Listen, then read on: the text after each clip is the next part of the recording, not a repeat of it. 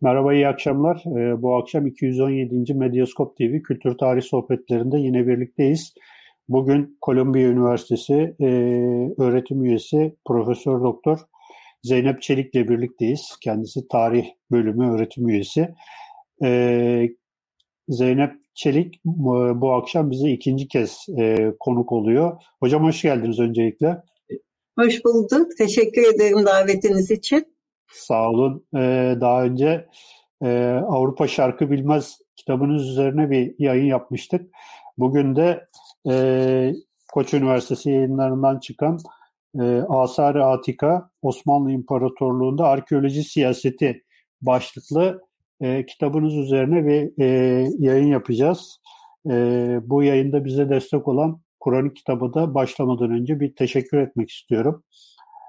E, hocam e, şimdi sizin kitabınız e, Osmanlı İmparatorluğu'ndaki e, o arkeoloji siyaseti alt başlığıyla e, şey yapıyor, başlıyor ama odak olarak e, bugünkü Arkeoloji Müzesi ve müze eski adıyla Müze Hümayun e, üzerinden e, bir başlangıç yapıyorsunuz. Daha sonra bu e, giderek e, e, genişleyen bir perspektife doğru gidiyor. Burada e, ve kitabın sonunda artık e, kazı alanlarındaki mimariye ve e, emeğin hiyerarşisine kadar varan böyle çok e, 6 bölümden oluşan bir e, kitap yazmışsınız. Böyle ben okurken son satırına kadar okudum ve okurken gerçekten e, hiç e, şeyim hani merakım azalmadı diyebilirim. E, şimdi kitabın birinci bölümünde e, bu çeperdeki kurulan iki müzeden bahsediyorsunuz. Yani merkez dışı Avrupa'yı bir merkez alırsak bir tanesi e, okyanusun öteki tarafındaki New York'taki Metropolitan Müzesi ve diğeri de e, aşağı yukarı aynı zamanlarda kurulan bu e, İstanbul Arkeoloji Müzesi. Ve bunları bir karşılaştırarak e, kitabınıza başlıyorsunuz. Bu benzer zamanlarda kurulmuş, aşağı yukarı 1880'lerde inşa edilmiş iki müze var.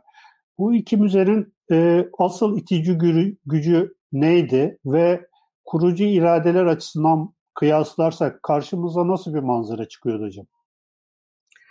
Evet dediğiniz gibi ortak noktaları Avrupa'nın dışında olmaları. Avrupa'da kurulmuş, e, yerleşmiş müzeler var. Bunların ikisi de öteki bu müze kültürüne.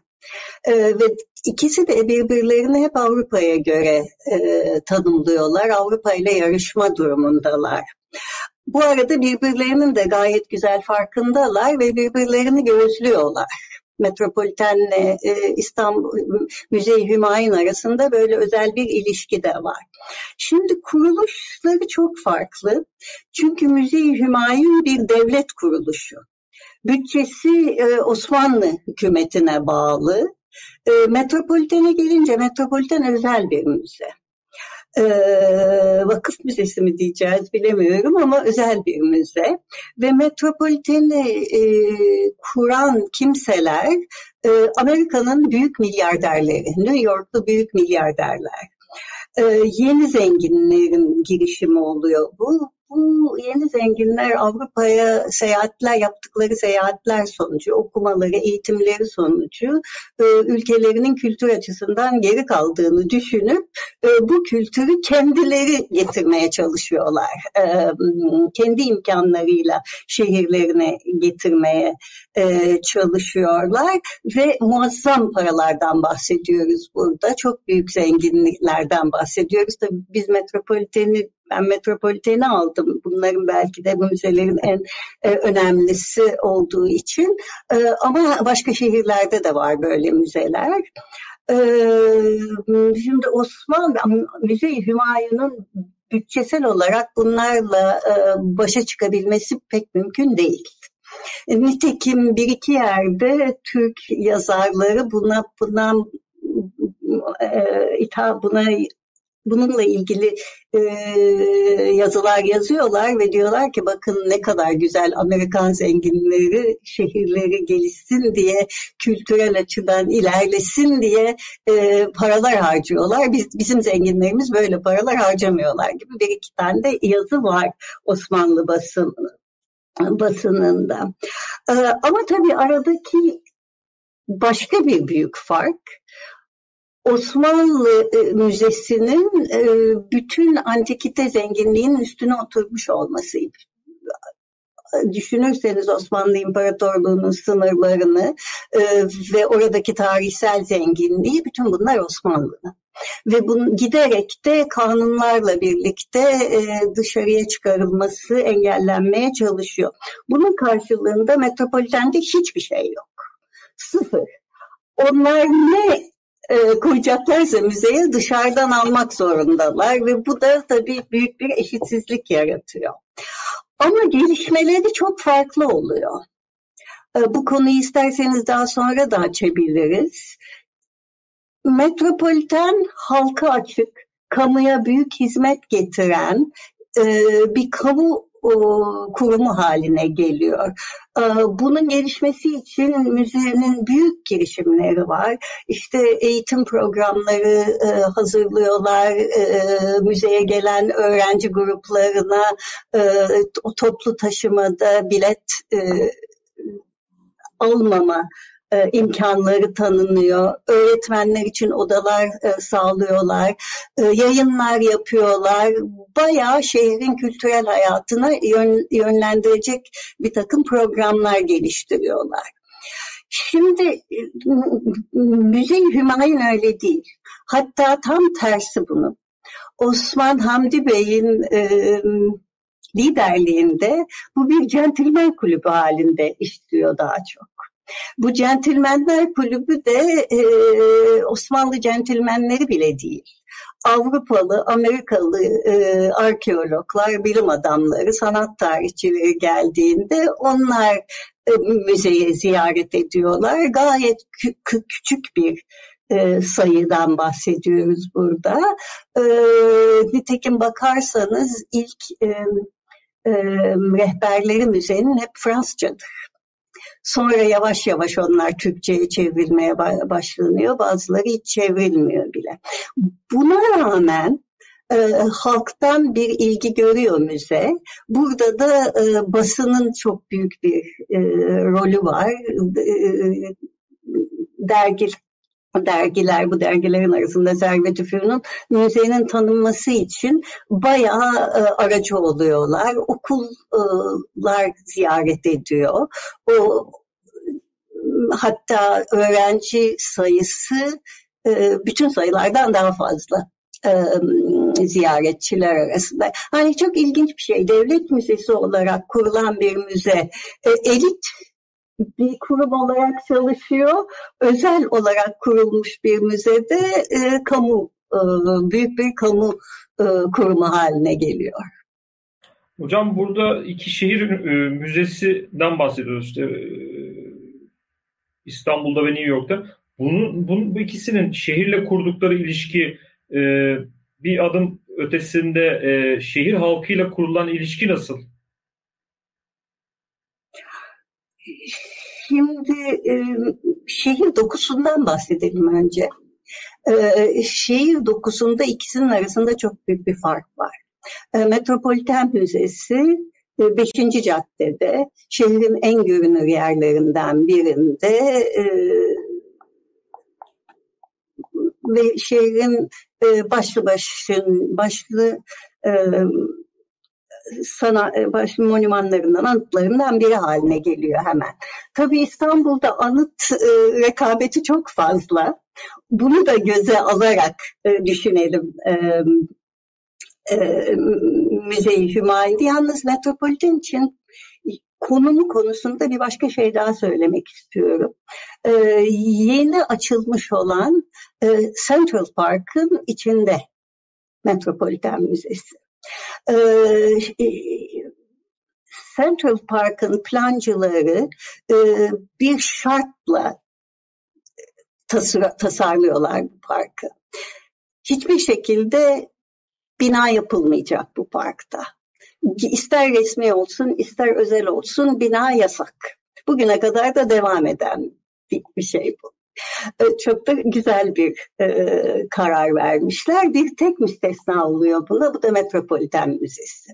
Bunun karşılığında Metropoliten Müzesi'nin de New York'a e, e, New Yorklulara karşı bir jest göstermesi gerekiyor. Girişi bedava olacak. Bugüne kadar da bu devam edebiliyor. Şimdi bizim müzenin yerine gelince e, bizim müze e, pek öyle büyük bir e, görüm, görselliği olan bir müze değil, vizibilitesi olan bir müze değil. E, Topkapı Sarayı'nın bahçesine,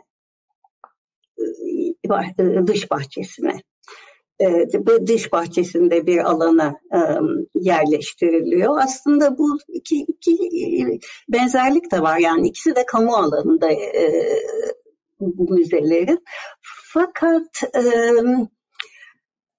biraz çukurda tabii Müzeyi Hümayun. Onun için dışarıdan görünmesi zor bunun.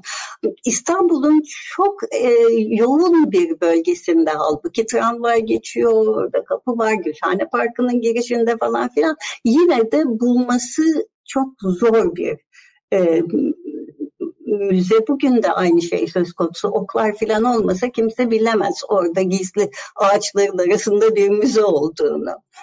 Ee, Mehmet Raif 1896 yılında çok ilginç bir kitap yayınlıyor. Miratı İstanbul. İstanbul aynası, İstanbul'un aynası diye. Ve e, bir yerinde bu kitabın e, adam akıllı bir tasvirle Galata Kulesi'nin çeşitli pencerelerinden ne görünüyor? İstanbul'un imajını yapan binalar hangi binalar? Çok çok şeker, çok güzel bir e, resim bu. E, ve bakın mesela Hamidiye Hastanesi var, kışlaların hepsi var. Çivili Köften bahsediyor. Ama Müze-i Hümayun'dan bahsetmiyor Müze-i Hümayun yeni yapılmış. Şimdi düşününce tabii ne bileyim Galatasaray Lisesi, Tıbbiye Mektebi, Osmanlı Bankası bunların hepsinin e, şehrin imajına büyük katkıları var. Ama e, Müze-i Hümayun'un yok. Bunu pozitif olarak da gören e, düşünürlerimiz var. Yazılar e, kitapta var zaten bir iki tane onlardan e, ağaçların altında keşfedilmeyi bekleyen e, bir hazine olarak da romantize edilmiş evet. bazıları tarafından. Hocam şimdi bu e, sizin kitabınızın üçüncü bölümünde e, çok ilginç bir şey yapmışsınız. E, romanların ekseninde bu e, müzeleri e, e, değerlendirmişsiniz. Bunlardan işte e, Esir şehrin insanları Kamil Bey'in Müze-i Hümayun'a gidişi, e, işte e, Emil Zola'nın Meyhane kitabında işte roman kahramanların Louvre'a gidişi ve e, Metropolitan Müzesi'nde de Edith e, Warburn sanıyorum Masumiyet Çağı kitabında. Evet. E, roman kahramanlarının gidişi. Bu e, e, roman kahramanlarının e, müzelerdeki e, tavırları, tutumları çok farklı. Mesela işte Emil Zola'daki roman kahramanları e, çok farklı yorumlarda bulunuyorlar. İsterseniz onlardan bahsedebilirsiniz. İşte parkeler parlak falan diyor. Yani orada en dikkatini çeken şey o olabiliyor. İşte Kamil Bey e, tam ulusal kurtuluş mücadelesinin ortasında bir melankolik e, halle gidiyor ve oranın o ıssızlığı e, ile biraz kendiyle hesaplaşıyor vesaire. E, diğer e, Amerika'daki işte e, Masumiyet Çağı'ydı herhalde. Evet. Masumiyet Çağı romanında da e, evet şimdi biraz boş ama ileride yani gele, daha böyle umut var bir şey. ileride dolacaktır gibi bir şey var. Şimdi ben bunları okurken aklıma e, şey geldi. Orhan Pamuk'un e, İstanbul e, Hatıralar ve Şehir kitabı geldi. Orhan Pamuk da İstanbul'un e, ruh hali üzerine e, ne söylersiniz, ne düşünürsünüz denildiği zaman İstanbul'a yakışan şey hüzündür demişti, melankolidir. E, şimdi sizin bu değerlendirmenizi okuduğum zaman ben Eskişehir'in insanlarını işte geçen sene tekrar bir okumuştum. O geldi aklıma. Yani Kamil Bey'in melankolisiyle şehrin melankolisi arasında da bir belki bir paralellik de vardı bilmiyorum ama e, müzelerin ruhu diye bir şey var mıdır? E, soracağım aslında o. Ve bu e, bu ruh diyelim edebiyatta bak edebiyat penceresinden baktığımız zaman ki siz çok sıra dışı bir şey yapmışsınız orada. E, nasıl yansıyor? E, şimdi çok güzel özetlediniz. Bana da diyecek fazla bir şey bırakmadınız ama çalışayım yine. Ee, bu edebiyata gitmemin bir nedeni de e, müzelerin nasıl kullanıldığı konusunda, özellikle bizim müzemizin nasıl kullanıldığı konusunda, kimin geldiği, ziyaretçiler konusunda bilgi eksikliğiydi. Aslında nasıl bulurum ben bunu, nasıl insanları bu müzeye getiririm diye baktım ve buradan üç tane çok değişik e, resim çıktı ortaya. E, Louvre Müzesi halka açık zaten biliyorsunuz Napolyon'un ihtilal sonrasında kurduğu müze halk müzesi. Napolyon Müzesi demişler başında zaten. E, halk müzesi ve herkese açık. Herkes o müzenin farkında. Öyle ki e, düğünlerinden sonra e, Gervais'le Kupo e, ve düğün misafirleri ne yapacağız? Şimdi canımız sıkılıyor. Ne yapalım? Louvre varmış Louvre'ya gidelim diye kalkıyorlar. Gidiyorlar ve kapıları açık tabii. E, çok e, acımasız çok hain ve çok kötü bir şekilde Zola bunları bunlarla alay ediyor. Satir yani. Hiçbir şey anlamıyorlar işte. Resimleri bilmiyorlar. Olmadık şey cahil insanlar tabii bunlar. Fakat müzenin kapıları açık ve bunlar bu müzeye girebiliyorlar. Şimdi New York'ta durum başka. New York'ta bu ıı, yeni zenginlerin getirdiği çok katı sosyal kuramlar var. Öyle ki bu iki aşık buluşacak yer bulamıyorlar. Ee, New York'un bu ıı, demir e, kuralları içerisinde. Ne yapalım ne yapalım müzeye gidelim diyorlar. Müzeye gidiyorlar. Müzenin bir, bir kısmı daha böyle popüler de e, Kıbrıs'tan gel çalınan eserlerin olduğu kısımda kimse yok. Oraya gidiyorlar, oturuyorlar ve kamu bir kamu mekanı arıyorlar. Ayrıca ikisi de Avrupa'yı çok iyi bilen kültürlü insanlar. Aradıkları yani rahat baş başa kalabilecekleri bir kamu mekanı ve müze onlara bu imkanı veriyor. Ayrılırken e, Newton Archer, roman romanın kahramanı olan kimse diyor ki bir başlangıç var. İleride bu müzede çok büyük bir müze olacaktır diyor. Nitekim kendi de e, yönetim kurulunda müzenin kitabın sonunda ve bir resepsiyona geliyor. O resepsiyonda bakıyor çok güzel, çok büyük bir müze olmuş diyor 20 yıl sonra bundan. Şimdi İstanbul Müzesi için çok yırtındım ben. Örnek bulabil, edebiyattan örnek bulabilmek e, konusunda. E, herkese haber saldım. Biliyor musunuz müzeye kim gitmiş? Erken Osmanlı, geç Osmanlı romanında işte ilk Türk romanlarında filan vardır belki ama benim e, ahbaplarımın hiçbirinden ve benim kendi bilgimden bu çıkmadı. Ben Kemal Tahir hayranı e, bir okurum ben. Kemal Tahir düşün, düşündüm ya gitse gitse buraya e, Kamil Bey gider diye Babali'de de gidip geliyor Babali'ye. Gitse gitse Kamil Bey gider diye düşündüm. Ve nitekim Kamil Bey gitti bu müzeye ve Kamil Bey'in gittiği müze ıssız orada o e, eski eserlerle adamın Kamil Bey'in kendi ruhundaki işgal altında İstanbul tabii. İşgal altındaki İstanbul'un bütün o sıkıntılı ağır havası çok güzel yansımış, çok güzel yazmış Kemal Tahir. E, fakat 1956 yani uh, aradan ne kadar zaman geçmiş müzenin edebiyatımıza girebilmesi için. Ondan sonra da ne kadar girdi ne kadar girmedi bilemiyorum. Ben edebiyatçı değilim. Sadece e, amatörüm bu konuda. Ee, yine de e, bu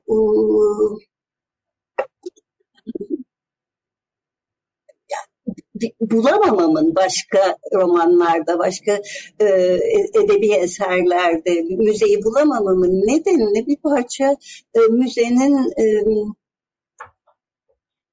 popüler olmamasında da görüyorum. Evet. İstanbul'un en az gezilen müzesiymiş bugün. Evet. Yine gittiğiniz zaman okul grupları falan görüyoruz. Çok gayret ettiler. Çok son zamanlarda çok ıı, güzel e, projeler yaptılar. Ama yine de mesela okul grupları görebiliyorsunuz. Ki en güzel e, yerlerden bir tanesi şey olarak kamusal olarak da en güzel yerlerden bir tanesine sahip şey arkeoloji müzesi bahçesindeki kahve daha çok kullanılıyor müzeden. Değil mi? Herkes oraya kaçıyor. evet. Ama dediğiniz gibi bu üç müzenin de üç e, devrimdeki üç melanko üç e, ruh durumu yansıyor edebiyatta. Ama ben bunları arayaraktan baktım. Belki başkası başka şeyler çıkartabilir yine edebiyata bakaraktan. Bu konular açık aslında hocam. Yani edebiyat üzerinden mesela müze, e, şimdi daha fazla roman var, daha fazla metin yazılıyor. Bunlar aslında çok böyle e, çalışılmaya, romancıların gözünden İstanbul, müzeler, arkeoloji belki e, çalışılmaya müsait konular. Ben şeyle devam edeceğim. Bu 1884 nizamnamesi yayınlanıyor ve bunun bir yarattığı bir hoşnutsuzluk ortaya çıkıyor. Bu bağlamda işte Bergama kazı felaketini düşünürsek neler söyleyebiliriz? Bir de bu e, sayda lah, lahdi bulunuyor ve bunun üzerinden de böyle e, işte e, Yunan sanatıydı, değildi. E, üzerinden böyle bir e, değersizleştirme e, ne diyelim gündemi yaratılmaya çalışıyordu bütün arkeoloji dünyasında. Bunun üzerinden e, devam edebilir miyiz hocam? Evet, edelim etmeye çalışalım. E, e, Bergama e, kazısı tabii ki yani olacak şey değil. Kasa kasa götürmüşler, yüklemişler. Ve Orada ara, arazi satın alıyor değil mi hocam? Kazı ekibi önce arazi satın alıyor. Sonra bu o şeyi anlatır mısınız oranlama hikayesini? Yani belki Şimdi izleyiciler o bilmez. hikayesi bir önceki 1874 e, evet. nizamnamesinde üçte bir, üçte bir, üçte bir. Üçte biri e, Türkiye'nin olacak, Osmanlı'nın olacak. Üçte biri e, Bulan'ın olacak. Üçte biri de arazi sahibinin olacak. Bu birçok kazıda olan bir şey. Araziyi satın aldığınız zaman üçte ikisi sizin oluyor. Ee, kanunlar ilginç çünkü hep reaksiyon olarak düzeltiliyor bu kanunlar. 1884 kanunu da e, biraz da Bergama e, skandaline karşı geliştirilmiş. Evet. Ondan sonra ondan önce Riemann var. O kadar çok örnek var örnekler de var, büyük örnekler de Bergama var. Bu, e, bunların karşısında bir reaksiyon olarak e, partaj meselesini kaldırıyorlar ortadan. E, çok ilginç. 1883 yılında Solomon Reinach biliyor bu kanunun değişeceğini çünkü Osman Hamdi ile ahbaplıkları var. Ee, bir yazı yayınlıyor ve neydi yazının başlığı hatırlamaya çalışayım e, vandalizm, Orta Doğu'da van, unuttum şimdi. Ama vandalizm var yazının e, başlığında. Bulabilir misiniz onu bir yerde? Hocam bulurum ben şimdi hemen. Ha, e, bu yazıda şöyle bir e, tez öne sürüyor. E, siz diyor Türkler, Türkler, Osmanlılar, sizin diyor e, bu antikitelerle pek bir ilginiz yok. Bu antikiteler Avrupa kültürüyle ilgili e, e, tarihsel belgeler. E, sizin de işte camileriniz var, hamamlarınız var, medreseleriniz var, kötü durumdalar. E, bunları tamir etmeniz lazım. Çalalım demiyor, demiyor. Biz diyor şöyle bir şey e, soru çözüm öneriyorum size. 2-3 ee, yılda bir, bir pazar kurun. Bu antikiteleri satın. Ve bundan kazandığınız biz onları alalım. Çünkü onlar bize ait ve bunları kendi müzelerimize koyalım. Ee, siz de bizden kazandığınız paralarla kendi eserlerinizi tamir edersiniz ve bunlardan övünç duymanız lazım. Bunlar da güzel eserlerdir falan gibi bir böyle e, e, hala bugüne kadar sürüyor bu yazının etkileri yahut bu düşünüş tarzı diyelim. Hatta hocam, şöyle bir şey diyordu galiba hocam onu da söyleyeyim. Yani biz diyor bazı bu sizin eserlerinizi de batıya kaçırdık. Onları da geri satın alırsınız diyor. Evet evet. Çin'in evet, evet, evet, karşılığında, evet evet onun karşılığında siz de işte yani, Çinlilerinizi işte ne bileyim ahşap eserleri, halıları falan geri alırsınız diyor. İyice yüzsüzlüğe vurmuşlar yani. Mak makalenin başlığı şu. Doğuda modern vandalizm. Doğuda modern vandalizm, evet ve yani bu vandalizmi yapanlar da e, Osmanlılar. E, hakikaten arkeoloji dünyasında büyük bir korku bu. 1884 kanununun çıkabilmesi e, ve diplomatik yollardan, yollardan da bunu önlemeye çalışıyorlar ama işte orada Osman Hamdi Bey çok güzel direniyor ve mümkün olmuyor. Yalnız şimdi sayda lahitleri e, öbür başka bir konuda soracağınız bir şey var mı? Yok hocam. Şimdi sayda lahitlerine geleceğim. Hı. Buyurun. Buyurun hocam. E, sayda lahitleri aslında bu lahitler çok önemli ve e, sanat tarihi e, literatürü için de bunlar çok önemli. Çünkü bunlar biliyorsunuz renkli, boyalı lahitler bunlar. Ve boyalı olmaları bunların tam o sıralarda e, Avrupa'da tartışılan büyük bir konu olan polikromi. E, eski Yunan Roma sanatında polikromi e, meselesini öne getiriyor. Polikromi ilginç.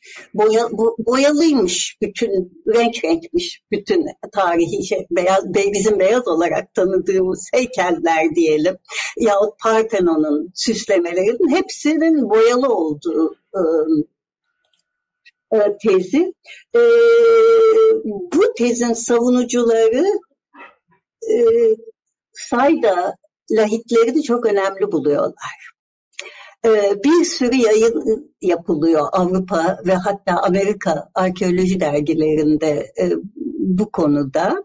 E, ilginç başka bir şey var. Osman Hamdi Bey ve Theodor Renak'ın e, lahitler üzerinde kitabı bir, bir yayını var. İki ciltlik çok güzel basılmış. Paris'te basılmış zannediyorum bir kitap. Fransızca tabii. Şimdi onun içinde renkli resimler basılmış. Ee, bu da e, e, Osman Hamdi Bey'in ve Theodor Reynak'ın e, polikromi tartışmaları için e, lahitlerin önemini ne kadar güzel anladığını e, açıklıyor. Şimdi öbür taraftan e, Orta Asya'daki Greco-Romen kültürünün dekadan bir kültür olduğu ve batıdaki Greco-Romen kültürüyle e, büyük bir ayrıcalık gösterdiği üzerine de bir tartışma var ve bu da oryantalizm tartışmalarının bir parçası olarak gelişmiş. İşte diyorlar e, e, o, diyelim Palmira'da, Balbek'te, Petra'da e, Sayda'daki eserler daha batıya karşı çok daha e, efemine, daha oynak, daha süslü, e, kısacası daha oryantalist, e, hiyerarşik olarak da onlardan e, daha aşağıda bir yer işgal ediyorlar. Roma mı, Orient mi diye bir e, tez bu epeyce bir zamanda devam ediyor. Evet. Ama e, Osman Hamdi Bey vefat ettikten sonra e, siz kitabınızda bahsediyorsunuz. Amerikalılar hemen e, bunu, bu lahitleri almak için bayağı kendi aralarında ciddi ciddi yazışıyorlar. Hatta orada çok dramatik bir ifade var. Hani e, ya 100 Türk'ün ilgilendiği bir mevzu yani bu Hani sizinle ilgili değil ki yani bu bunu bize verin. Zaten Balkan Savaşlarından çıkmışsınız. Bir sürü felaket yaşanmış. Osmanlı maliyesi bitmiş, çökmüş. Orada e, gerçekten e, yani bütün bunlara rağmen verilmemesi çok bence çok önemli bir şey. Bir yandan da mesela kitap ilerledikçe siz e, anlatıyorsunuz. O kısımlara da geleceğiz. Hani vilayet binalarının müze haline getirilmesi, liselerin, lise bahçelerinin müze haline getirilmesi falan. E, ve en sonunda işte kitabın sonunda söylüyorsunuz. İşte Herakles heykeli geldiği zaman Antalya Müzesi'nde 3 yıl içinde 400 bin kişi seyretmiş. Demek ki gelmiş yani müzeye o heykeli görmeye. Demek ki o 100 Türk'ü bayağı bir aşmışız yani. Hani orada gerek Abdülhamit'in gerek Osman Hamdi Bey'in bence e, yani bu müzeyi kurarken ve 1884 e, nizamnamesini çıkartırken büyük bir vizyonerlik bence gösterdiğini hani şey yapabiliriz diye tabii, düşünüyorum. Tabii bir yandan da işte İttihat Terakkicilerin de hani e, bu geleneği en azından muhafaza etmeye çalıştıklarını da söyleyebiliriz. E, bunlar çok önemli şeyler bence. Bundan sonra yavaş yavaş isterseniz hocam. Şimdi bu, şu şeyi e, hani şu satın alma durumunu o bir dedikodu. Fakat evet. dedikodu olarak Amerika'nın en zengin insanlarından birinin ve metropolitenin de müdüre adam e, kulağına fısıldıyorlar. İşte, müze bütünüyle satılık, battı e, e, Osmanlı İmparatorluğu ve adam hemen e, birilerini yolluyor İstanbul'a. Kimse duymadan biz bu müzeyi alalım.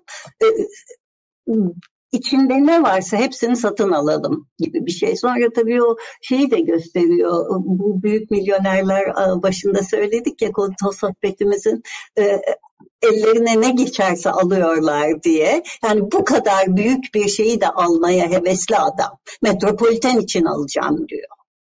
Evet. O, o açıdan tabii e, Amerikalı milyonerleri suçlamıyoruz. Tabii ki almak isterler ama e, yani bizimkilerini satmaması e, Bizimkilerin önemli. kulağına bile gelmiyor bu. Tamamen evet. dedikodu. Evet. Ee, böyle bir şey yok. Zaten olamaz da. Çünkü kitapta da gösterdim. Bunun müze durmadan büyüyor. İki tane yeni e, kanat ekleniyor müzeye. İşte e, e, Güzel Sanatlar Akademisi, o zamanın Güzel Sanatlar Akademisi buraya yerleştiriliyor filan. Hatta bir, bir resim koleksiyonu yapmak için de bir çaba var. En azından kopyaları. Bütün bunlar olurken müzeyi satmak diye bir şey. Hele de layıkları söz konusu evet. değil. Hatırların ucundan geçmiyordur. Evet. Hocam şimdi buradan yavaş yavaş bu e, müzenin popülerleşmesi e, ve özellikle batıdaki e, kitle kültürünün bir parçası haline gelmesi, bu turizmin yoğunlaşmasıyla birlikte. Yani burada ulaşım kolaylığı başlıyor. İstanbul'un dünya ile olan bağla, bağları çok kuvvetleniyor. Siz kartpostallardan e, bahsediyorsunuz. Gezi rehberlerinden örnekler veriyorsunuz. E, hatta Ahmet İhsan'ın e, bir yazı dizisi var. Avrupa'da neler gördüm diye bir e, şey de var. Hem batıda hem bizde yavaş yavaş bu e, gerek servet üfününde batıda e, e, gazetelerde özellikle bu lahit koleksiyonu çok öne çıkıyor ve e, burada e, bunun e, müzelere olan ilgisi nasıl oldu? Yani e, müze-i hümayunu olan e, etkisi nasıl oldu? Bir ondan isterseniz biraz bahsedelim. İmparatorluğun son dönemlerinde. Bir de e, kitabınızda bir ifade kullanıyorsunuz. Modernite paketinin bir parçası olarak antikiteye meraklı modern birey.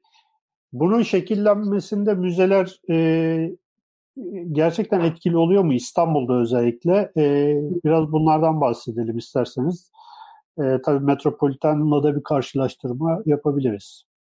Tabii Avrupa ve bu ıı, modern kişi, modern eğitilmiş, modern e, insan e, imajı için moder, e, antikitelere de sahip olabilmek, onları bilmek, anlamak çok önemli bir e, unsur.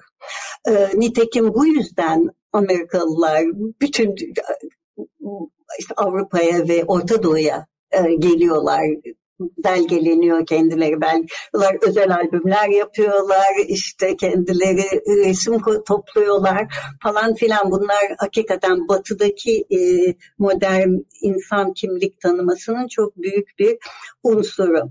E, temelinde de kök arama e, tarihin gücünü görüyoruz burada yani bir sağlam bir temele bağlama modern insan e, kimliğini o var. Şimdi bize gelince e, İstanbul'a gelen turistler diyelim yahut yabancılar onlar da tabii müzeye yöneltiliyorlar. Ama bunları müzeye yönelten kim? İşte rehber kitaplar, ve Avrupa, Amerika literatürü. Fakat bizde de böyle bir çaba var. Ee, ben bunu yine dergileri e, e, karıştırırken gördüm. Ee, dergilerde antik siteler üzerine uzun yazılar var. Diyelim ki Balbek, diyelim ki Ceraş, diyelim ki e, Truva, Efes. Ve bu yazılar biraz hem tanıtma hem de buralara nasıl gidilir? Gittiğinizde nerede kalabilirsiniz? Türünden rehberimsi yazılar.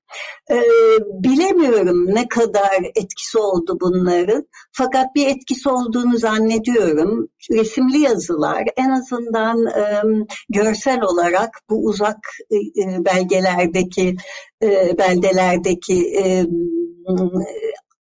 antik siteleri e, tanıtma açısından e, önemli ve de bir araya geliyor bunlar tabii düşünün yani bir sayıda Ceraş, bir sayıda e, diyelim Bergama, bir sayıda e, Balbek bunların hepsi toparlanıyor ve bir, bir sürelilik süreklilik sağlıyor. Bunun da e, Osmanlı okurunun e, kimlik formasyonunda bir e, rol oynadığını düşünüyorum ben.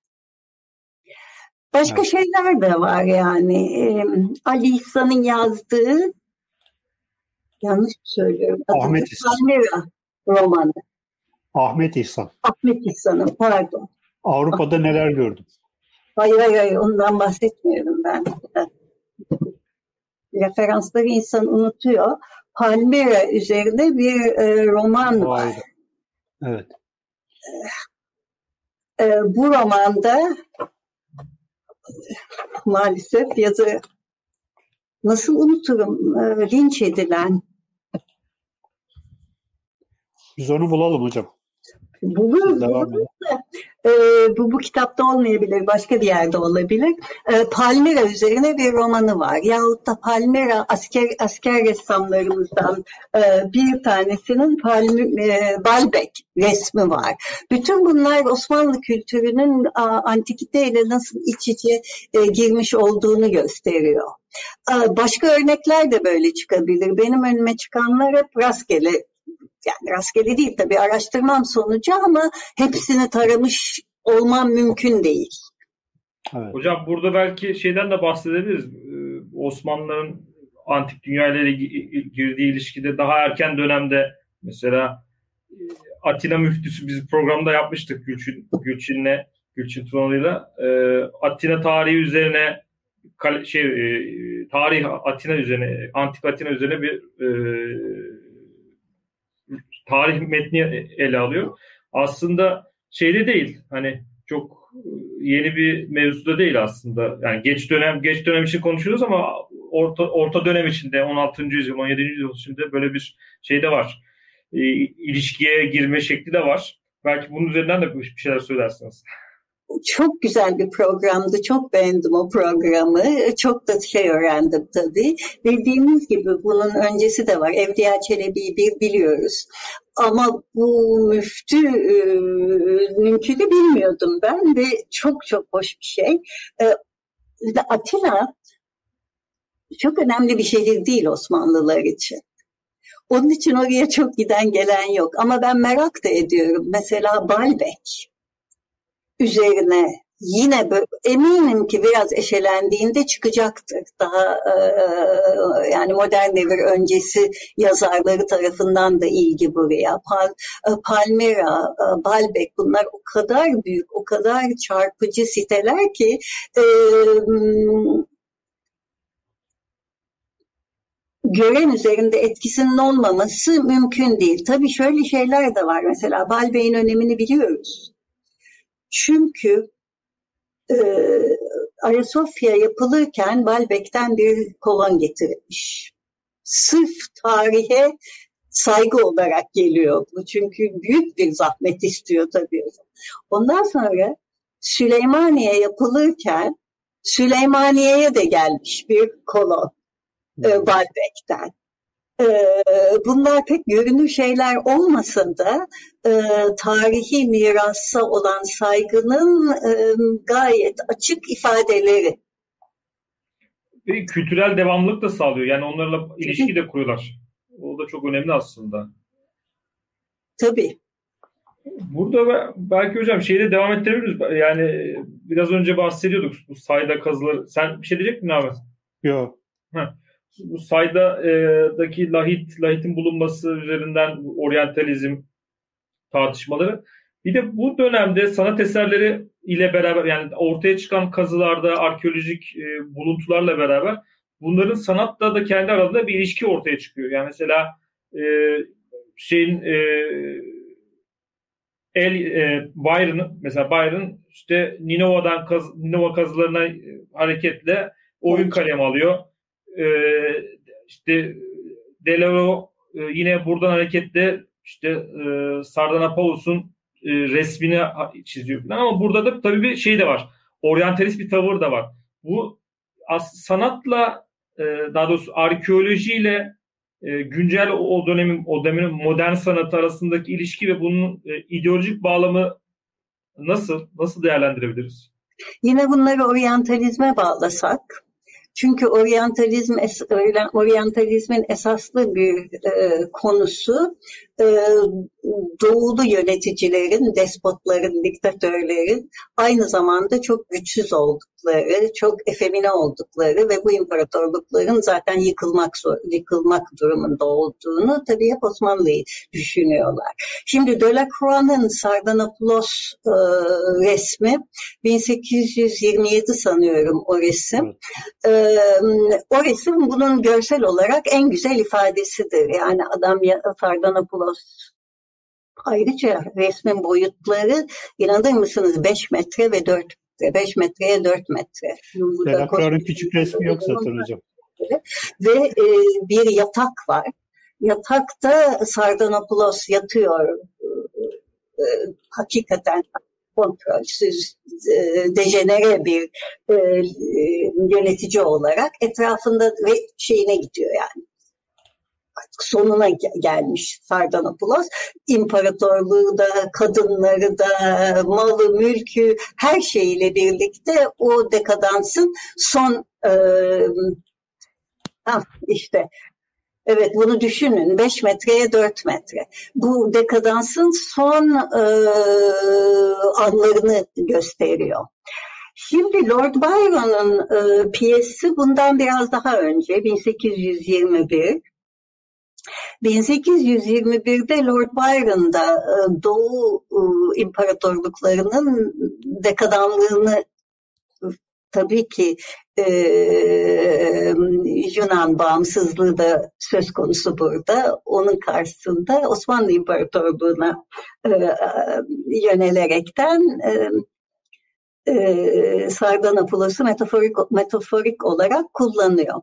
E, şöyle bir şey diyeyim, e, bunların ikisi de hem Delacroix'ın resmi hem Lord Byron'ın piyesi e, Nineve kazılarından önce Nineve e, yani Asur, Mezopotamya medeniyetini ilk defa batıya tanıtan e, Austin Henry Layard'ın Nineve kitabı 1849'da basılıyor. 1849'da basıl, basılıyor ve büyük ilgi gö- gö- görüyor. Bu renkli resimli gayet e, e, birkaç baskısı falan yapılıyor peş peşe. Şimdi Lord Byron 1821'de yazmış piyesi ama bu piyes durmadan sahneleniyor.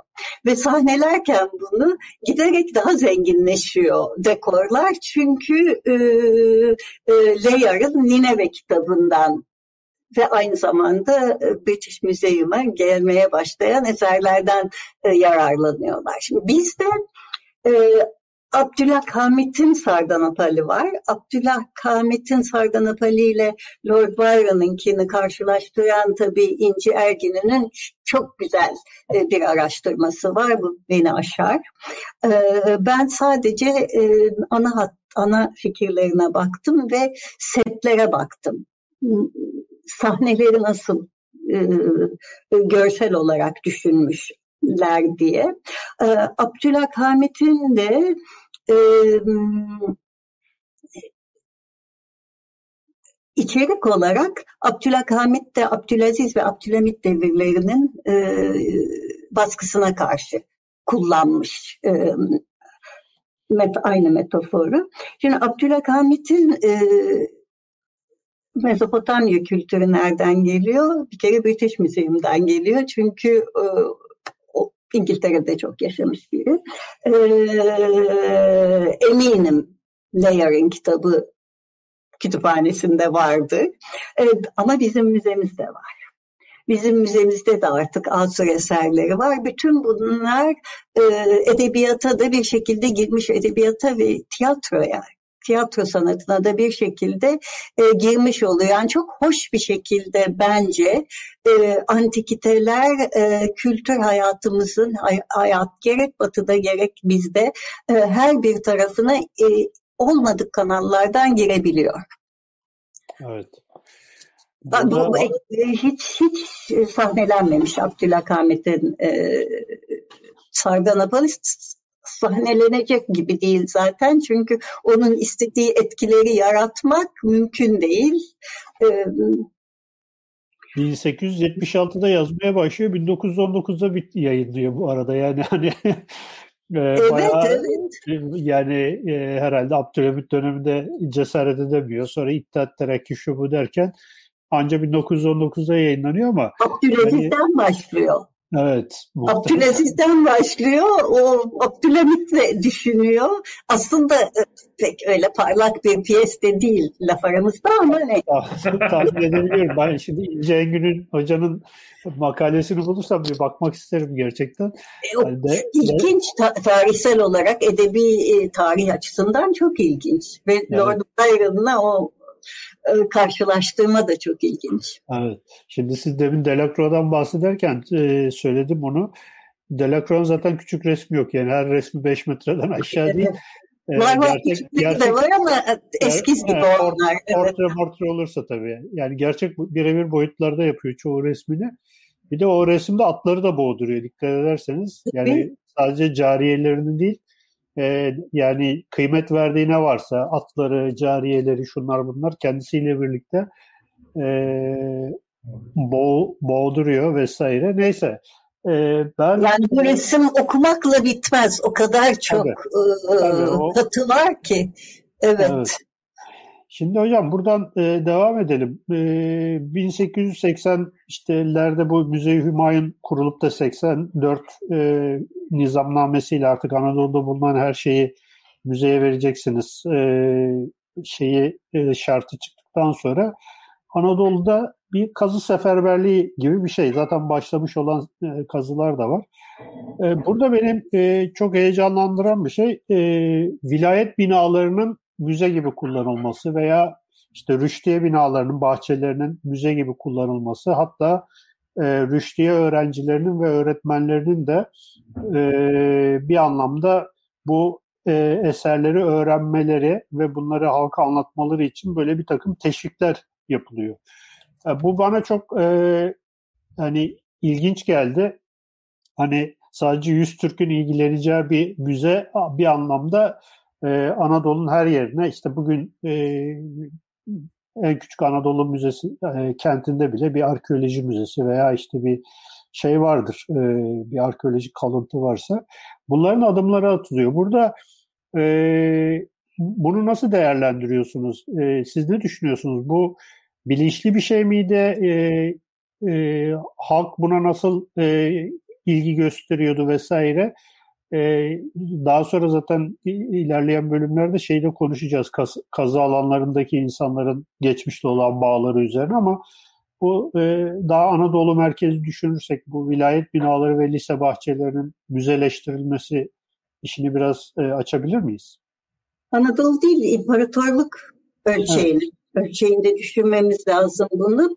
Ee, nizamnamelere göre bütün bulunan eserler e, bir hükümet konaklarına yahut turistiyelere götürülecek. Orada belgelenecek. Önemlileri İstanbul'a yollanacak. E, geri kalanları da oralarda kalacak. Yani amaç aslında hepsini bir şekilde İstanbul'a getirmek de o pek mümkün değil. Bu bir pratik e, sorun e, çözüm olarak öneriliyor. Fakat e, sizin de şimdi söylediğiniz gibi çok ilginç bir hale geliyor. E, yerel müzeler e, yaratılmaya başlanıyor vilayet konaklarında. Bunların çok ilginç bir tanesi Beyrut Vilayet Konağı ki e, çok da hoş bir bina bu. Şimdi hiçbir şey yok yerinde. Onun avlusunda topluyorlar. Fotoğraflar da var o avluda toplanan e, eserler e, eserleri gösteren. E, böylece burada bir müze oluşuyor. Şimdi her yerde bu kadar e, sistematik gelişmiyor. Bu orasına burasına koyuyorlar ama inanır mısınız? Her türlü bina, polis istasyonlarında bile, karakollarda bile eski eserler e, görülebiliyor. E, müşteriler dediğiniz gibi çok önemli ve burada üç büyük e, büyük demeyeyim üç önemli şubesi oluyor e, Müze-i. Kitapta yok bunlar. Bunları ben yeni araştırmalarımdan buldum. Bunun bir tanesi Konya İdadisi, e, diğeri Bursa İdadisi. Ee, küçük birer müze yapılıyor. Ana kapıdan giriyorsunuz, bir yoldan bu müzeye gidiyorsunuz. Ee, Kudüs'te yapılıyor bir müze.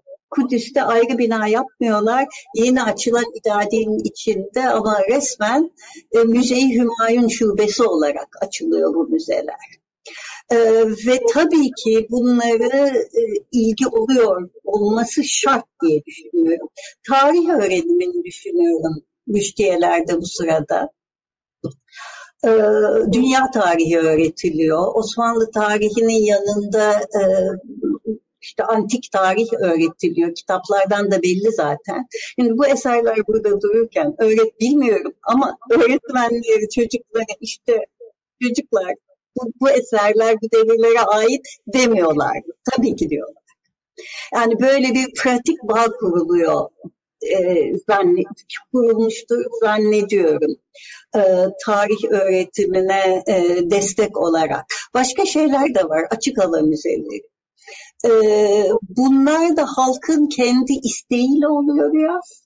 E, Osman Hamdi Bey'le Osman Hamdi Bey'in Sayda kitabında bununla ilgili epeyce bir kısım var.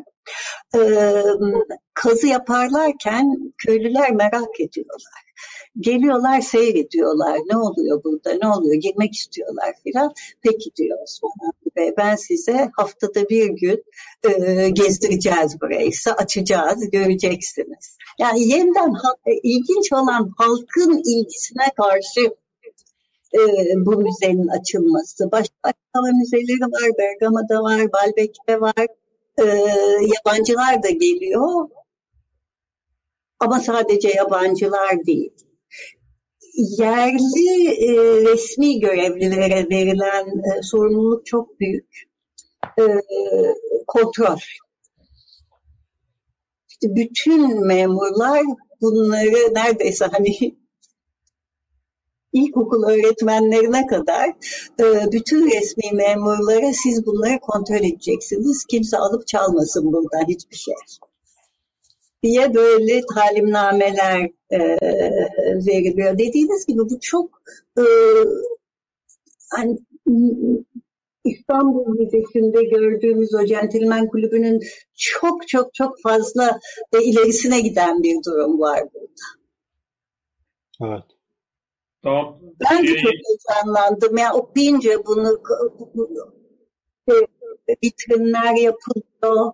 Nasıl e, altyazıları nasıl yazacağız? Bütün bunlar tartışılıyor, konuşuluyor. Hatta mesela Kudüs'te müze açılmadan daha önce, birkaç yıl önce, epeyce zaman önce hatta e, bir müze müdürü tayin etmişler. Evet. Sizin kitabınızda e, şöyle şimdi lafı Ozan'a vermeden önce şey yapayım hatırladım kitabınızda Asarı Atika ilmine e, vakıf insanlar yetiştirmek için bir e, müfredat hazırlanıyor. E, bu müfredat tabii e, nizamname gibi bir şey hazırlanıyor. Hani çok uyuluyor uyulmuyor bilmiyorum. Yani e, e, mutlaka bir takım insanları yetiştiriliyor falan ama hani öyle bir çaba ve gayret hani de var yani. Hani bir yandan da e, böyle bir çabanın da olduğunu söylemek lazım herhalde. Şey yapılıyor, 1875'te antikite uzmanı yetiştirecek bir okul kurma yani şey e, ne düşüncesi var. Şey de çok güzel.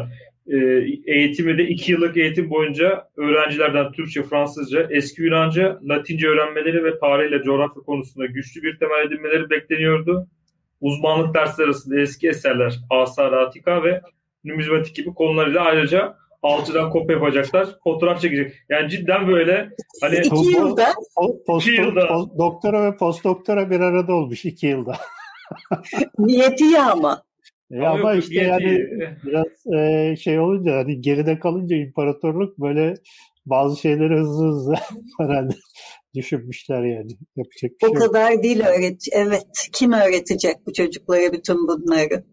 Evet, evet. evet. Bir de teknik işler yani nihayetinde. Hocam burada e, e, Müze-i Humayun'dan e, bahsediyoruz. E, Osman Hamdi'nin e, işte Osman Hamdi kuruyor ve 1910'da vefat ediyor.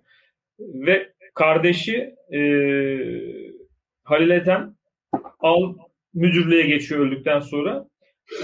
Burada e, yani kişilerden mi kaynaklanıyor yoksa o zamanın e, siyasi konjonktüründen mi kaynaklanıyor?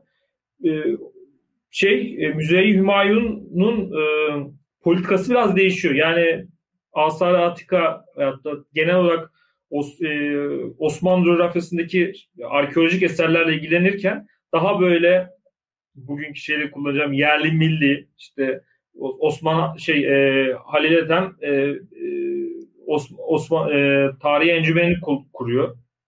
Ondan sonra kendisi de bir numizmatik üzerine çalışmalar yapıyor. Ama daha çok böyle daha e, yerel yani Osmanlıcı bir şekilde bir politika e, sürdürmeye başlıyorlar. Bu kişilerden kaynaklı bir durum mu? Yoksa genel olarak siyasi konjonktür, konjonktürle alakalı mı? Valla kesin cevap vermek zor buna. Fakat tabii ki ikinci meşrutiyet devrinin getirdiği bir e, anlayış var burada. E, öbür taraftan bana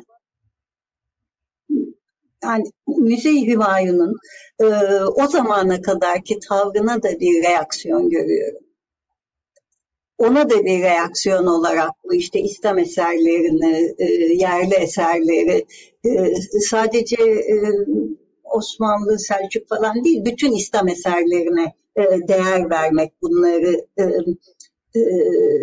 müzeye katmak çabasının müzenin ilk dönemlerine bir reaksiyon olduğunu da düşünüyorum ben. Halil Ethem'in kendi ilgileri kesinlikle önemli bir e, rol oynuyor. Ve e, Şehbal'deki kitapta ben bundan epeyce bahsettim. E, Halil Ethem Bey'in Şehbal'deki yaz, basılan yazıları çok ilginç. E, korumamız gereken eserler mahvoluyor diyor. Eserlerimiz mahvoluyor ve Anadolu'nun çeşitli şehirlerindeki anıtlardan bahsediyor. Ama bunun yanında çok mesela mütevazi şeylerden de bahsediyor. İki e, ne bileyim ben Ezine'de iki e, padişah mezarı diye resimler de çizilmiş. Gayet basit, gayet e, e, küçük şeyler bunlar. Yani burada bir koruma kaygısını da e, ele alıyor. Fakat e, mimarlık tarihine, sanat tarihine bakış açısında bir değişme görüyorum ben.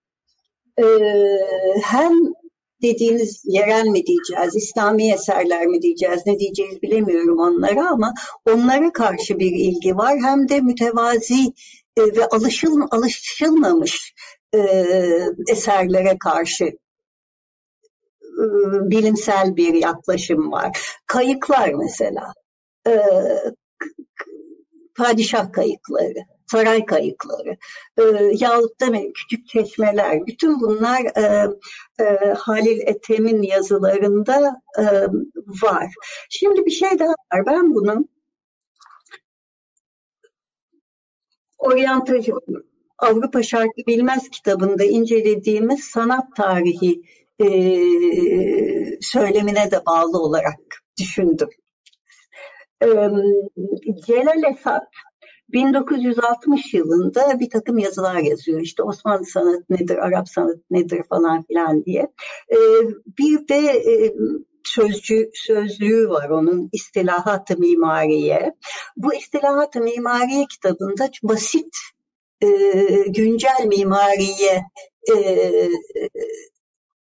adam akıllı dikkat çekmiş.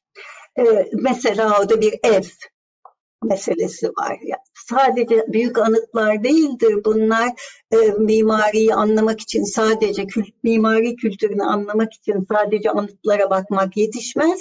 E, mütevazi günlük binalara, küçük eserlere de e, bakmak gerekir diye bir e, an, anlayış gelişiyor. Ben bu anlayışı e, Avrupa sanat tarihine sanat tarihi literatüründen çok daha önde görüyorum. Ee, onlarda daha böyle bir şey pek yok. Bütün olarak görme, daha ilk adımları tabii ondan sonra 1920'lerde iyice gelişiyor. Ee, bu e, sanat tarihi, mimarlık tarihi, kültürü nedir, e, ne değildir ona da bağlı oluyor İslam Müzesi'nin e, açılması, e, Türk ve İslam Eserleri Müzesi'nin kuruluşu 1914. Bütün bunlardan sonra oluyor. 1906'dan sonra. 1910'lu yıllarda, 12'de galiba e, e, e, Halil Ethem Bey'in yazılarının e, çoğunluğu onlardan sonra oluyor. Yani bir böyle oluşumdan sonra açılıyor ve Türk ve İslam Eserleri Müzesi'nde ne var? hat yazıları var, işte halı var, oyma var, e, ahşap işlemeciliği var. Bayağı geniş kapsamlı bir e, müze bu. Evet. Cevap verebildim mi bilmiyorum. Daha çok antropoloji yani bir böyle bir şey de var. Antropoloji müzesi gibi aslında yani. Ben şeye benzetiyorum hocam. Şimdi siz e, müzeleri ikiye ayırmışsınız ya. Bir ansiklopedik müzeler, diğeri... Ben ayırmadım. Aman ben değilim ona ayırdım. Yani kitabınızda böyle bir şey var. Ee, ben Müzeyi Hümayun'u biraz ansiklopedik müzeye, e, Türk İslam eserlerini de milliyetçi tırnak içinde müze kategorisinde hani kafamda oturtuyorum. Bilmiyorum e, katılırsınız, katılmazsınız. Yani sonuçta müzeler bir milli anlatı üzerine de inşa edilebilir Tabii. veya işte tamamen halkın genel kültürünü e, kendisine yabancı bile olsa e, genel kültürünü orada sergilenen şey kendisine yabancı bile olsa o genel kültürü yükseltmek maksadıyla da müzeler inşa edilebilir. Ben burada hani biraz müze Hümayun'u e, ansiklopedik müze gibi e, değerlendirdim. E, Türk Burada... Eserleri de biraz milliyetçi söyleme daha uygun gibi bir... Ama Müze-i Hümayun ansiklopedik bir müze değil. Sadece e, eski çağların ansiklopedik müzesi o. Evet. Yani geliyor bir yerde duruyor çünkü. Evet. Burada Hocam, abi soru soruya geçmeden şey e, şeyden bahsedeceğim ama yani e, kitabın içinde mesela benim çok bu şey konularıyla da alakalı aslında bu e, e, ulus millet inşası, ulus, ulus inşasında müzelerin rolüyle de alakalı aslında. Bu e, Osmanlı e, Müze-i Hümayun kurulduğu zaman, Osmanlı Müze-i Hümayun kurulduğu zaman Avrupalıların verdiği tepki e, de aslında çok e, ilginç. Yani onlar e, şey değildir, nedir? Müzeyi hak etmiyorlar. Eski eserleri Yunan, Yunan Yunan'dan veya işte Roma'ya ait e, eserleri e, sergilemeye e, hak etmiyorlar. Bize gelmesi gerekir gibi baya böyle bir şey var. E, propaganda da var. Yani aslında bu ulus inşasıyla da çok böyle yakından alakalı aslında. Bir, bir yandan da tabii şey kısmı da oryantalizmle de bağlantılı bu işler. Bunu da yani şey yapmak gerekiyor. Bir dipnot olarak da düşmek gerekir. Tabii çok önemli. Ee, siz kim oluyorsunuz da böyle bir müze kuruyorsunuz. Fikri var orada. Evet. Ama e, bizim kimliğimiz Osmanlı, geç Osmanlı kimliği açısından da, o kimliğin modernitesi açısından da ve o modernitenin Greco-Roman kültürüne, Mezopotamya'ya bağlanması açısından da o müze çok önemli. Evet. Hocam şimdi sizin kitabınızın bence en e, e, güzel bölümlerinden bir tanesi bu son kısmı. E, son kısımda siz e, e, kazı alanlarındaki e, yüzleşmelerden bahsediyorsunuz. Kazı alanlarına giden işte yabancı e, arkeologların e, yerel halkla karşılaşması, onların e, yaşam biçimleriyle e, bir anlamda hesaplaşması e, ve bir süre sonra e, burada yaşanan çatışmalar, bir hiyerarşi kuruluyor vesaire. Burada e, herhalde bir üçlü sac ayağından bahsedebiliriz. Bir yerel işte halk, iki e, kazayı yapan arkeologlar ve e, müfettiş olarak çalışan Osmanlı memurları gibi. E, burada çok e, ilginç bir bölüm bu. Yani bu bölüm üzerine biraz bence durmak da gerekiyor. E, bu insanlar geçmişin ihtişamı ile bugün o gün yaşanan, e, gerçekte yaşanan fakirlik ve fukaralık arasında inanılmaz bir e, uçurum görüyorlar ve bundan çok etkileniyorlar muhtemelen. Siz e, e, Amerika'daki belgelerden e, yola çıkarak e, bunlardan bahsetmişsiniz. Bir tanesi Nippur kazısı, diğeri de e, bu Salihli'deki. Sardis e, kazısı. E, işte hani kazı evinin kuruluş e, yerinden arazi yani morfolojik e, seçimden tutun da işte kart, bu çekilen fotoğraflardaki e, jestlere, mimiklere kadar birçok hikaye var burada. Hani ben çok içeriye girmek istemiyorum ama bu e, burada nelerle karşılaşıyor bu arkeologlar? E, neler hissediyorlar? Siz hani o arşivlerde epey bir şey yapmışsınız. Kitabınızda da bol bol görselde e, görsellerde bunu da görmek mümkün.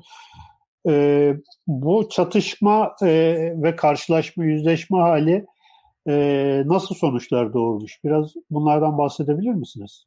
Ve bu, bu konu aslında bence yani benim bile, bilebildiğim kadar hiç işlenmemiş bir konu. E, galiba öyle ve çok ilgi çekti. Ee, bu son iki bölümü kitabın emekle ilgili olan kısımları. Şimdi bunu araştırmak da ben daha genç bir araştırmacı olsaydım e, yapmazdım bunu, yapamazdım.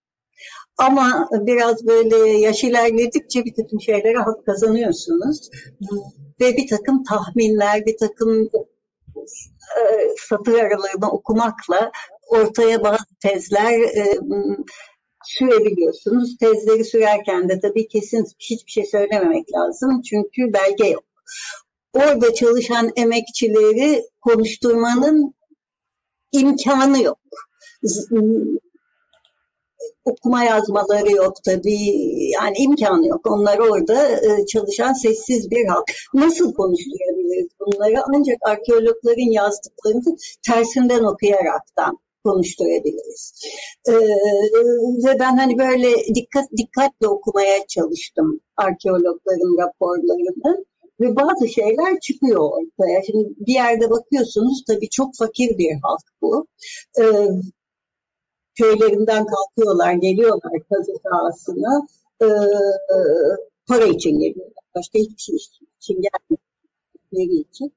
Fakat arkeologları çok bozulduğu bir olay var. İklim zamanı geldiği zaman imkanı yok tutamıyorlar onları orada.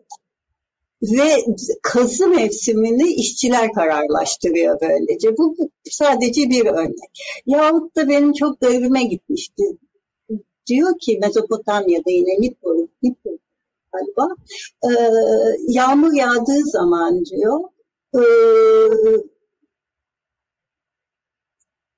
kadınlar yağmurdan sonra hemen çıkıyorlar toprağı taramaya başlıyorlar ve orada buldukları küçük küçük e, mühürleri e, ne buluyorlarsa topluyorlar. Onları sonra işte kendi boncuklarla birlikte e, bir araya getirip kendilerini mücevher yapıyorlar diye ha ha ha gülüyor.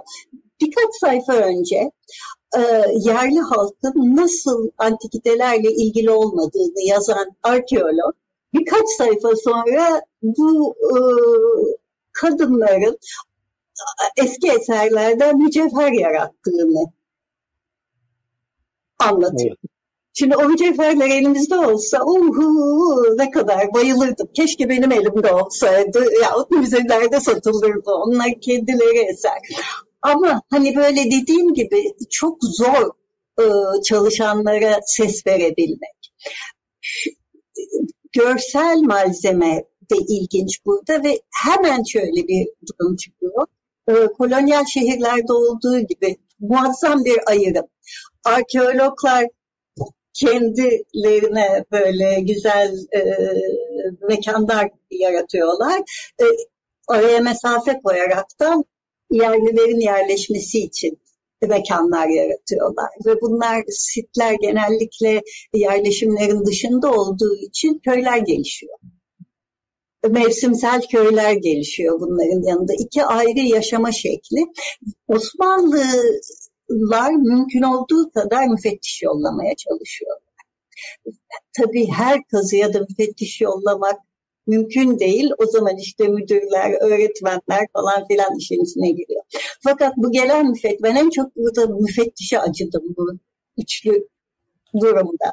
Müfettiş e, genellikle Mezopotamya yerli halkın dilini konuşamıyor e, öbürlerinin dilini konuşuyor tabii ama nece konuşuyorlar? Şimdi İngilizce benim baktığım site Amerikalıların Amerikan arkeologlarının olduğu site. Tabii ki İngilizce bilmiyor, Fransızca bilmiyor.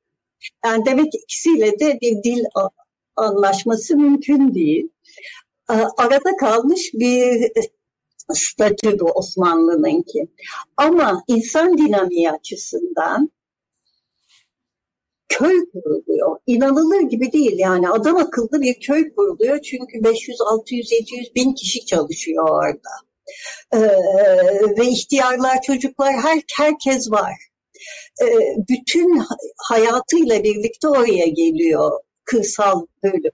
Arkeologlar için de etnografi araştırmaları yapmaları imkanı çıkıyor burada. Fotoğraf çekiyorlar, hatıralarını yazıyorlar. Hatta e, müziklerini e, e, belge, belgeliyorlar falan filan. Bu çok büyük bir konu, çok e, araştırılması gereken bir konu. Bugünkü arkeoloji araştırmalarında da böyle şeyler oluyor. Bunu hep duyuyorum. Arkeolog arkadaşlardan. Ama geriye gittiğimizde tabii bir de Osmanlı İmparatorluğu'nun son devrinin politik karışıklıkları da giriyor işin içine. Evet. Hani Osmanlı modernitesi de giriyor. Telgraf çekmeleri lazım. Postane lazım diyelim. Bunların hepsi e, Osmanlı infrastruktürünün bir parçası. Burada hocam e, bir ek yapmak istiyorum. Benim dikkatimi çekti. Siz e, kitabınızda görselini kullanmışsınız. Nippur'da bir kale yapıyor bu şeyler. Çok fazla soygun vesaire olduğu için kendilerine bir kale, kale yapıyor. Halk ona kale diyor. Onlar halk ona şey, kale diyor. Evet. Onlar kazı diyorlar ama şimdi ben mesela baktığım zaman on, orada bir zigurat gördüm. Yani bayağı zigurata benziyor ve hani bu şimdi bu arkeologlar ilk geldikleri zaman kazı alanına bir bakıyorlar ki kazı alanının ortasında bir köy var. Yani orada antik kentin göbeğine köy kurmuşlar. Sonra diyorlar ki ya işte bu köylüler de e, antik kentin ortasına köy kurmuşlar e, falan filan biraz böyle hani küçümseyen bir şey yapılıyor. Ama sonuçta günün sonunda onlar da aynı malzemelerle kerpiçle bilmem neyle e, bir kazı evi olarak zigurat formunda bir şey yapmak zorunda kalıyorlar. Yani öyle e, modern e, bir şey de çıkmıyor ortaya. Çünkü iklim e, biraz öyle olması gerektiğini şey yapıyor. İşte siz e, kitabınızda bahsediyorsunuz işte serin olması vesaire falan filan. Yani neye karşı çıkıyorlarsa günün sonunda aslında biraz kendileri de e, yani coğrafya kaderdir hikayesine geldik gene. Kendileri de sanki e, o mimari forma e, biraz teslim oluyorlar gibi. Şimdi o kale, o bina çok ilginç bir bina. Ee, zenginlerin evlerine bakıyorlar. Evet. Ve onların evlerinde onların e, konakları yani bölgedeki varlıklı insanların konaklarından ilham alıyorlar ne yaparken. Hem kale gibi oluyor, dışarıya karşı korunmalı. E, hem iklimsel olarak iyi oluyor hem de bir yani rejyonalizm e, geliştiriyorlar bu binalarla. Sardik'te de öyle. Sardik, Sart'ta da güya kendileriyle alay da ediyorlar. Biz Türkiye ya, ya, inşa ettik diye düşünürken yerliler bunu Amerikan evi diyorlar. Amerikan sarayı diyorlar. Evet, yani evet. E, e, fakat hani bütün bunun dışında şey var. E, o ayrım çok kesin. E, biz geliyoruz buraya çalışıyoruz ama biz onlardan değiliz. Bizim yerimiz başka, yerlilerin yeri. Hatta korkuyorlar da. Evet. Çok ilginç bir durum. Bir yandan e, mecburlar e, emek oradaki emekçileri evlerin içine almaya. Çünkü e, kazı evinin ahçı lazım, işte hizmetçi lazım, temizleyici lazım, ahçı lazım, e, bahçeyi e, yani kendilerine göre sebze yetiştirmeye kalkıyorlar. O sebzeleri sulayacak adam lazım, bahçemen lazım. Hani bir, bir takım çok komik şeyler de oluyor burada. Öyle şeyler ekiyorlar ki yetişmesi mümkün değil Mezopotamya'nın o ikliminde. Evet. Burada e, özellikle bu morfolojik olarak seçtikleri yani bütün kazı alanına hakim tepeler seçmeleri yani bayağı işte kazı alanının yukarısında e, Nippur'da bu çalışmıyor. Yani bir kum fırtınasında duman oluyorlar. Mecburen e, tekrar yerlerin uygun gördüğü yere taşımak zorunda falan kalıyorlar. O mesela çok hani trajikomik olaylar da oluyor bir yandan değil mi? Tabii canım bu kolay değil bu arkeologların hayatları. Ama akşam yemeğini dört öğün yemek çıkartıyor onlara Ahçı Cengiz dedikleri adam. Ben yani.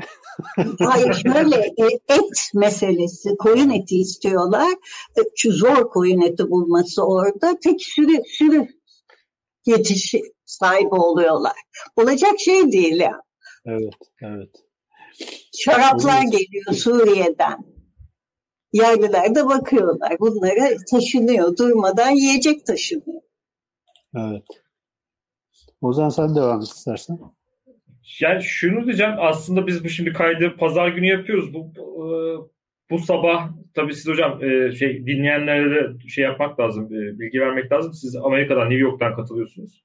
Ve arada 7 saatlik saat farkı var. Bugün e, işte müze, asar atika bağlamında da konuşabileceğimiz yani bir durum aslında. E, bugün sabahleyin işte e, İstanbul Büyükşehir Belediye Başkanı Ekrem İmamoğlu e, geçen ay Sotheby's'de satılan evet, açık arttırmayla satılan e, kanuni tablosunun e, İstanbul Büyükşehir Belediyesi'ne alıcısı tarafından kimliğini bilmiyoruz, kim olduğunu bilmiyoruz. İstanbul Büyükşehir Belediyesi'ne e, bağışlandığını açıkladı. Bu işte belli Bellini'den sonra işte e, ikinci e, tablo e, şey, alımı veyahut da işte e, sahiplenmesi belediyenin. E, bu açıdan belki şeyde konuşmak gerekir. Yani en başında konuştuğumuz mevzulardı bunlar. Yani bu e, New York e, Metropolitan Müzesi ile işte Asar Atika'yı karşılaştırdık biraz.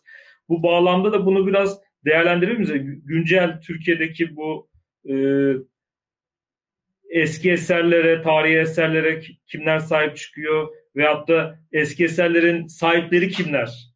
E, belki bu, bu bağlamda da konuşabiliriz. E, bunu nasıl değerlendirebiliriz? Şimdi bu çok karıştı e, Ozan Bey.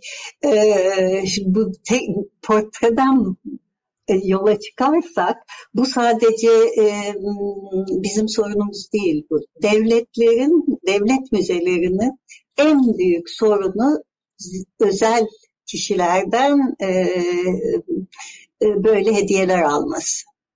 Çünkü bir kere yerleşmiş olunca müze bu söz konusu olmuyor. Bağış da yapmıyorlar. Yani ben bunu Avrupa müzecilerinden de çok duydum. Ee, Amerika'daki zenginlerin yaptığı türden bağış yapma geleneği olmuyor. Devlet yapsın meselesi. Onun için bizde de pek görülmüş bir şey değil. Bunun karşılığında özel müzeler var tabii.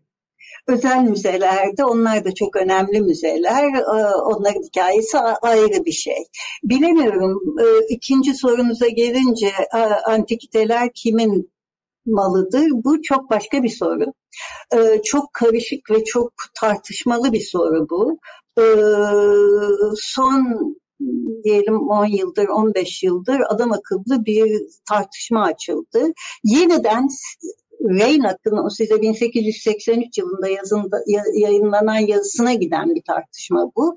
Ee, işte bu Orta Doğu, sadece Orta Doğu değil, e, dünyanın pek çok yerinde insanlar, biz yine bizim coğrafyalarımızdan bahsedelim. Diyelim mesela Irak'ta, Lübnan'da, Türkiye'de ama Yunanistan'da insanların bağları yok bu antikitelere. Kültür, e, kültürel olarak Avrupa kültürü buna bağlı. Onun için e, antikitelerin esas sahibi Batı Burada bir, burada bir şey de var galiba hocam. Köken ülke, köken kültür tartışması evet, var değil mi? Evet, evet, evet. Köken evet yani bu neler neler geliştirdiler. Bu ansiklopedik müze fikri, ansiklopedik hümanistik müze. Efendim e, British Museum, e, Louvre, e, bizimkisi metropoliten hümanistik müze, öbürleri milliyetçi müze. Bu çok acayip bir şey ve bunu çok kolay bağlantılar yaptılar bu, bu, e, bu varsayımdan çıkarak da çıkarak. İşte Saddam Hüseyin tarihi nasıl kullanmış? Efendim başka e, doğulu e, politikacılar tarihi nasıl kullanıyormuş? Bütün bu müzelerin politik tarihine baktığımız zaman antikitelerin politik olarak nasıl kullandığını zaten görüyoruz. Hani impar, e, kolonyalizm çerçevesi içinde, emperyalizm çerçevesi içinde bunlar o kadar çok tartışılmış şeyler. Bir tarafa bırakalım hepsini. Biz şimdi e, masum hümanist müzeler kuruyoruz. E, bu hümanistik müzelerde, bu ansiklopedik müzelerde bütün dünya kültürünü gösteriyoruz diyorlar. E, ve doğrusu da budur. Çünkü e, milliyet milletlere ait müzeler e, ziyaretçisi azdır. O bölgelere sıkışık kalırlar. Halbuki efendim New York'taki bir müzeye geldiğiniz zaman yan yana hepsinin bütün kültürleri, bütün e, medeniyetleri görebiliyorsunuz ve herkes herkese açık oluyor. Ama kim bu herkes? Kamu, kamuya açık diyorlar. Kamu kim? Evet. Kitabınızda da Ve yani çok zaten. ilkel bir tartışma aslında. Sabah bakıyordum. Bir tanesi önde gelen bir isim diyor ki işte Lübnanlı biriyle konuşuyormuş. Hiç ilgilenmiyormuş o Lübnanlı köylü e, Greco-Romen kültürüyle. Onun için diyor o memlekete ait değildir o kültür. Ya Bu da yanlış. Münferit böyle örnekler seçip işte yani münferit örnekler seçiyor. Ondan sonra da aa işte bunlar ilgilenmiyorlar, bilmiyorlar deyip ondan sonra da sahipleniyorlar. Tabii orada kamu mevzusu da yani e, New York'ta açıldı diyelim böyle bir müze. Kim ziyaret edecek? İşte Amerikalılar. Sonra işte parası olup New York'a gelebilecek insanlar. Yani. Aynen. Yani elit müze yaratıyoruz diyorlar. Tabii ki büyük müzeler bunlar. Tabii ki çok önemli müzeler. Ee, bir de bu hareketin ortaya çıkmasında etken olan e, olay e, o küçük ülkelerden, e, kaynak ülkelerden talepler gelmeye başlamış olması. Epeydir oluyor bu tabii kanun dışı getirilmiştir, geri yollayın. Kanun dışı getirilmiştir, e, geri yollayın meselesi bütün Avrupa müzelerine de oluyor bu. kolonilerden getirilmiş e, bir sürü sanat eserini geri istiyorlar. E, bunları vermemek için bir takım e, argümanlar geliştirmeleri gerekiyor. Bu da o argümanlardan bir tanesi. Çok uğraştırdı bizleri ama bu argüman ve dinlemiyorlar. Evet. Hocam burada kitabınızın son kısmında, son paragraflarda popüler bir olayı da anlatıyorsunuz. Ben onu da son bir hani belirtmek istiyorum. Bu IŞİD'in e, yaptığı arkeolojik tahribat. E, ama e, o tahribatı göster gösterirken yan tarafta dizilmiş olan arkeolojik eserlerinde e, batılı alı, e, alıcıların e, nazarlarına sunulduğunu biliyoruz. Ve onların birçoğu da e, batıya kaçırıldı. Yani e, bu kaçırma hikayesi e, hiç hiçbir zaman hız, hız kesmeyecek. Çünkü e, bir alıcı varsa e, bir e, satıcı da illa bulunuyor ve e, bu e, köken ülke köken kültür meselesi e, tabii tam bir tuzak minareye kılıf uydurma e, şeyi tartışması yani bir anlamda. Bu IŞİD meselesiyle ilgili de söyleyeceğiniz bir şey varsa onu da alalım sonra da kapatalım isterseniz. Yani şöyle e, depolanma meselesi var tabii hemen satış mümkün değil. E, bunu da ben Amerikan e, basınında okudum yani e, bilinmeyen bir olay değil. E, satışlar devam ederken bu satışlar Avrupa'da müzeler, Avrupa'da depolarda, orada burada depolarda bu eserler saklanıyor. Hemencecik bunları e, satışa çıkarmak mümkün değil. Ama uzun vadede tabii ki büyük değerleri olduğundan satılabilecekler. Evet. Çok Hocam... acıklı bir durum ama e, nasıl buna karşılık pek çok eseri de geri vermek zorunda kalıyorlar. Yani New York mahkemelerinin en önemli işlerinden biri bu. Evet. Ben sosyal medyada e, Iraklı bir arkeoloğun e, Irak'ta kendi müzesindeki eserin Almanya'da karşılaştığı zaman e, gözyaşlarına boğulması e, videolarını çok gördüm. E, yani maalesef e, bu talanı hani bir şekliyle artık ahlaki bir mesele olarak yani durdurmak ve e, bir şekliyle bunları koruma altına almak gerekiyor ama burada tabii esas olan şey alımın ortadan kaldırılması. Türkiye herhalde e, en fazla e, alacaklı durumdaki ülkelerden bir tanesidir. E, işte pek çok şey verilmiş o da var. Bazıları kanunlardan önce getirilmiş. Ee, öyle de pek çok eser var tabii. Hepsinin provenansını çıkarmak da mümkün değil. Hani, hani artık bu saatten sonra e, bu müzeleri boşaltalım diye bir tez ortaya koymak da garip olacak. mümkün değil zaten. E, ben düşünüyorum ki en azından e, nasıl elde edildikleri bir şekilde anlatılsa bu çok faydalı olur.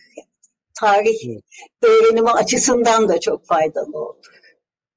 Ve daha saygılı bir e, yaklaşım geliştirilmiş olur diye düşünüyorum, bilmiyorum. Yani çözüm çözüm zor bu işe. Evet. Tek tük eserle de işte heykelin başını getirdim, altıyla birleştiren bir tane öyle yani. Yahut da bir e, koskocaman bir vazo vardı e, Metropoliten'de altında yazar. Şimdi davalık oldular İtalya'yla. Altında yazar onun. Bu İtalya'nın malıdır. İşte biz onu şimdi ödünç olarak size gösteriyoruz. Bilmem kaç yılında gidecek. Yani hepsi eserlerle nasıl ne kadar halledebilirsiniz bunu? Evet. Hocam e, yavaş yavaş toparlayalım. Son söz olarak söylemek istediğiniz bir şey varsa alalım. Sonra da kapatalım. Sizi yorduk bu akşam. Hayır, evet yani epeyce vakit olmuş. Ee, ekleyecek bir şeyim yok. Çok um, yani bu kitap benim ep, çıkalı epeyce oluyor. Evet. Beş yıl falan oluyor. Beni tekrar e, oraya götürdünüz. Teşekkür ederim. Rica ederiz. Ee, sizi tekrar başka e, konularda ağırlamayı da çok isteriz. Ee, yayınımıza katıldığınız için e, çok teşekkür ediyoruz. Ben teşekkür Bugün, ederim. Bugün 217. yayınımızda Kolombiya Üniversitesi'nden Profesör Doktor Zeynep Çelik'le birlikteyiz, birlikteydik. Ee, kendisinin Koç Üniversitesi yayınlarından çıkmış olan Asar-ı Atika kitabı üzerine uzun ve keyifli bir sohbet gerçekleştirdik. Bizi izlediğiniz için teşekkür ediyoruz. Koronik kitabı da e, desteğinden dolayı teşekkür ediyoruz. İyi akşamlar diliyoruz. Türkiye'nin sivil, bağımsız, özgür ve çoğulcu bir medya ortamına ihtiyacı var. Medyaskop 20 Ağustos 2015'te bu ihtiyacı karşılamak üzere yola çıktı. Ama yolumuz uzun. Bu yolculukta bize Patreon veya YouTube'un katıl butonu üzerinden katkıda bulunabilirsiniz. Destek verin, sizinle güçlenelim.